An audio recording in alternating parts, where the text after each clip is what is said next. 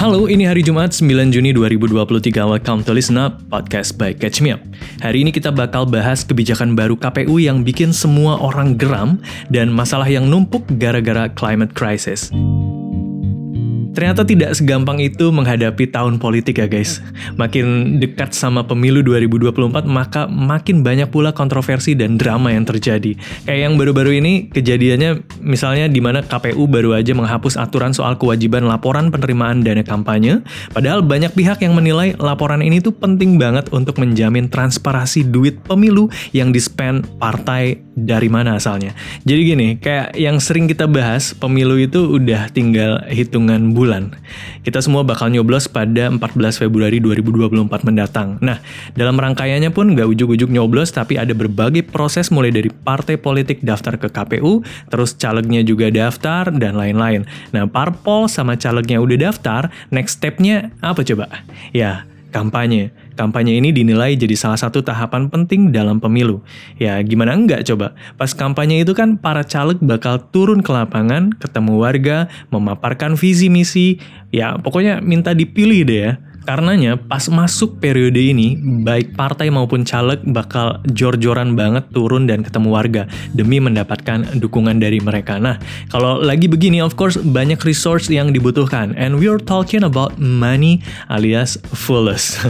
nah, kalau di case-nya pemilu ini, duit ini bisa diterima dari berbagai pintu, kayak dari duit pribadinya si calon itu sendiri atau bisa juga dari sumbangan pihak lain yang sah menurut hukum.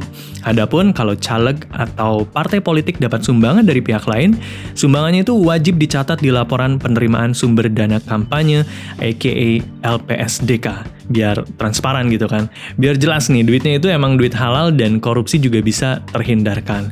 But the thing is, baru-baru ini komisioner KPU Idam Holik menyebut aturan soal kewajiban LPSDK ini bakal dihapus. Iya, Pak Idam bilang pertimbangan KPU untuk menghapus si LPSDK ini tuh karena masa kampanye yang lebih singkat dari pemilu sebelumnya. Perbandingannya gini, kalau pemilu 2019 kemarin kan masa kampanye itu berjalan selama 7 hingga 8 bulan. Meanwhile, sekarang tuh masa bakal berlangsung dari 28 November 2023 sampai 10 Februari 2024 aja. Jadi cuma tiga bulan. Bedanya ya hanya Tuhan dan KPU yang paham ya guys. Terus KPU mengganti LPSDK dengan sistem yang baru di-develop sama KPU. Namanya Sistem Informasi Dana Kampanye, aka SIDAKAM. Keputusan ini pun langsung mengundang protes dari berbagai pihak yang bilang bahwa penghapusan LPSDK ini bikin dana kampanyenya jadi nggak transparan. Kebijakan baru ini lalu dikritik sama berbagai pihak. Adapun salah satu yang kontra banget sama langkah KPU ini adalah Partai Amanat Nasional aka PAN. Disampaikan langsung oleh Sekjen PAN, Edi Suparno, transparansi keuangan partai politik itu penting banget untuk menjaga kredibilitas partai. Nah, kredibilitas ini bisa diukur dari gimana transparansi keuangan partai itu bisa dikelola dan dilaporkan. PAN juga ngelihatnya laporan keuangan tuh harusnya ditindaklanjuti dengan proses hukum. Terus kalau dengan sistem kayak gini, tindak lanjutnya ntar gimana dong? Gitu katanya. Pandangan yang sama juga disampaikan oleh LSM Perludem. Perludem menilai penghapusan LPSDK ini jadi sebuah kemunduran untuk KPU. Direktur eksekutif mereka, Hairunisa, bilang seperti ini. Uh, menurut saya memang ini sebuah kemunduran ya, kalau uh, alasannya adalah karena tidak diatur dalam Undang-Undang Pemilu di Pemilu 2014, 2019, bahkan sejak Pilkada 2015, 2017, 2018, dan 2020 pun juga diatur soal uh, laporan penerimaan sumbangan dana kampanye ini. Jadi tahapan laporan ini itu menjadi kontrol bagi pemilih untuk menelisik begitu ya, untuk menjadi pertimbangan indikator uh, dalam membuat keputusan politiknya, dalam membuat pilihannya karena publik bisa melihat uh, hmm. peserta pemilu ini mendapatkan dana dari mana, mendapatkan sumbangan dari mana dan dikeluarkannya untuk apa. Makanya sejumlah organisasi yang tergabung dalam masyarakat Indonesia anti korupsi untuk pemilu berintegritas akhirnya menuntut KPU untuk membatalkan perubahan aturan ini. Nggak tanggung-tanggung kalau tuntutan mereka nggak dikabulkan nih, kelompok ini ngancam bakal ngaduin KPU ke Dewan Kehormatan Penyelenggaraan Pemilu aka DKPP. Nah, menyikapi keributan ini, Pak Idam Holik kemudian menjelaskan supaya kita chill aja, gengs. Menurutnya, kewajiban LPSDK ini emang nggak diatur sama undang-undang, tapi bukan berarti sumbangan dana kampanyenya nggak dilaporkan ke KPU. Lebih jauh, Pak Ida menjelaskan bahwa laporan keluar masuknya duit tetap harus dilaporkan, rekening khusus dana kampanye juga harus ada, cuma sistemnya aja yang beda. Malah dengan adanya Sidakam ini, transparansinya bakal jadi next level, jauh dari yang sebelumnya. Kenapa bisa bilang gitu? Karena Sidakam ini kudu diupdate sama peserta pemilu secara berkala dan update-nya bakal langsung bisa diakses sama publik lewat website infopemilu.go.id. That being said, semua orang jadi bisa ikutan mengontrol cash flow-nya para peserta pemilu. Terkait hal ini, Ketua KPU Hashim Asyari juga menjelaskan bahwa pihaknya bakal coba nge-simplify lagi laporan dana kampanye tadi lewat rancangan peraturan KPU aka PKPU. FYI guys, yang bikin publik makin gedeg sama KPU itu bukan cuma karena dihapusnya aturan ini aja, Beyond that, KPU juga dinilai mutusin sendiri segala sesuatunya tanpa ada partisipasi dari publik. Makanya bersamaan dengan tuntutan untuk balikin kewajiban LPSDK, KPU juga diminta untuk lebih luas lagi membuka ruang partisipasi publik, termasuk berbagai macam sosialisasi ke pemilih yang kudu harus digencarkan lagi biar sama-sama enak nanti pas pemilunya gitu. Oke, kita ke berita yang selanjutnya. Let's talk about something yang akan hilang Nggak cuma duit di dompet kamu yang bakal hilang ya guys, tapi es di samudera Arktik by early 2030. Sedih banget kan? Dengan berbagai fenomena climate crisis yang terjadi di belakangan ini, kayaknya kita beneran nggak bisa santai-santai lagi nih. Secara dari penelitian terbaru diketahui bahwa suhu bumi yang makin panas diprediksi bakal bikin es di samudera Arktik lenyap by 2030 dan 2030 itu kan bentar lagi ya. Kamu harus tahu bahwa hal ini bahaya banget karena bongkahan es di kutub itu sangat sentral perannya dalam menyeimbangkan perubahan cuaca di bumi. Selain itu, es yang mencair juga meaning volume air laut yang bertambah dan seiring dengan bertambahnya volume air laut, maka daratan juga bisa tenggelam, guys. Karena permukaan airnya kan jadi naik ya. Makanya penting banget supaya suhu bumi itu nggak terus memanas karena efeknya itu udah ya seterasa itu ya sekarang. Mulai dari extreme heat, kemudian polusi udara yang nggak sehat, bencana alam, dan lain-lain. Fenomena panas ini dirasakan hampir di seluruh negara di dunia termasuk juga Asia Tenggara. Contoh yang paling dekat ada di tetangga kita di negara-negara ASEAN kayak Thailand dan Vietnam. Dua negara ini sekarang lagi menghadapi gelombang panas ya. Panasnya tuh yang beneran panas banget. Di Vietnam, bulan Mei kemarin suhu rata-ratanya mencapai 32 derajat Celcius, which is itu udah panas banget untuk mereka, sementara Thailand itu lebih parah.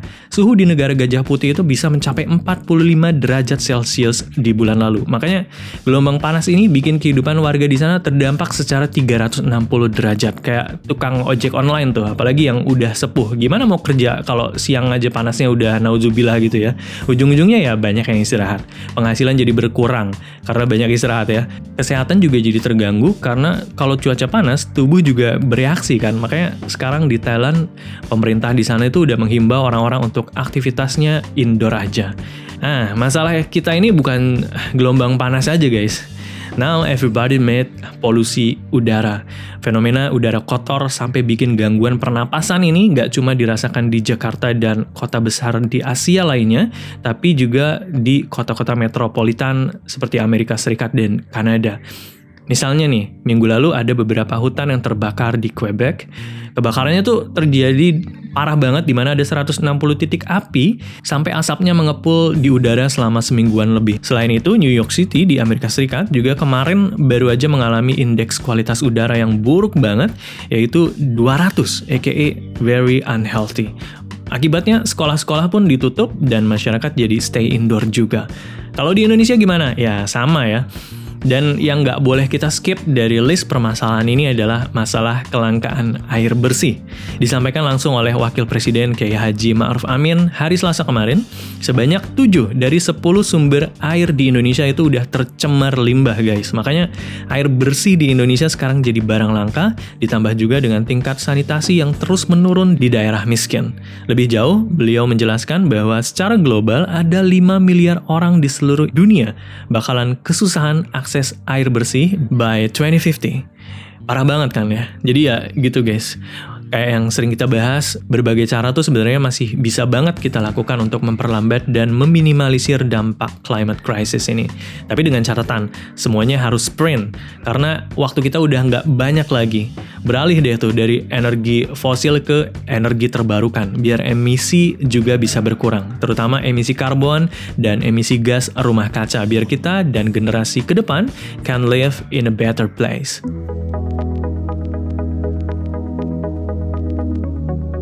Yes, kita ke berita yang terakhir.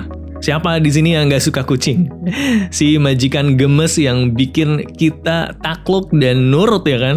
Nah, tapi kamu harus tahu guys, bahwa sepanjang hidupnya, kalau kucing nggak disteril, ini kucing bisa menghasilkan 4 hingga 6 ekor anak kucing sekali lahiran. Dan mereka bisa lahiran sampai dua kali setahun. Terus dikali umur hidup mereka. Kebayang nggak tuh, berapa puluh kitten yang dihasilkan dari satu mommy cat aja. Nah, Hal ini kemudian bisa menyebabkan overpopulasi kucing yang bikin shelter penuh dan jumlah kucing jalanan juga jadi nggak terkendali.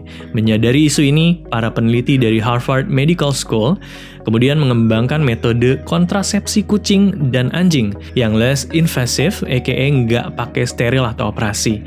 Yes, metode kontrasepsinya adalah menggunakan obat suntik. Dari hasil pengujian pendahuluan menemukan bahwa metode ini efektif. Dalam melakukan penelitiannya, para researchers ini menyuntikkan obatnya pada 9 kucing perempuan yang dinamai pakai nama-nama first lady-nya US kayak Michelle, Betty, Abigail, Nancy, Dolly, Barbara, Rosalind, Jackie, dan Mary. Hasilnya kucing-kucing yang diberi suntikan ini jadi lebih lambat berovulasi sehingga akhirnya mereka tidak hamil. Para peneliti berharap metode ini bisa lebih banyak digunakan demi mengurangi overpopulasi kucing jalanan dan di shelter. Oke, okay, itu dia untuk podcast Listen Up kali ini. Sampai ketemu lagi di episode selanjutnya. Happy weekend!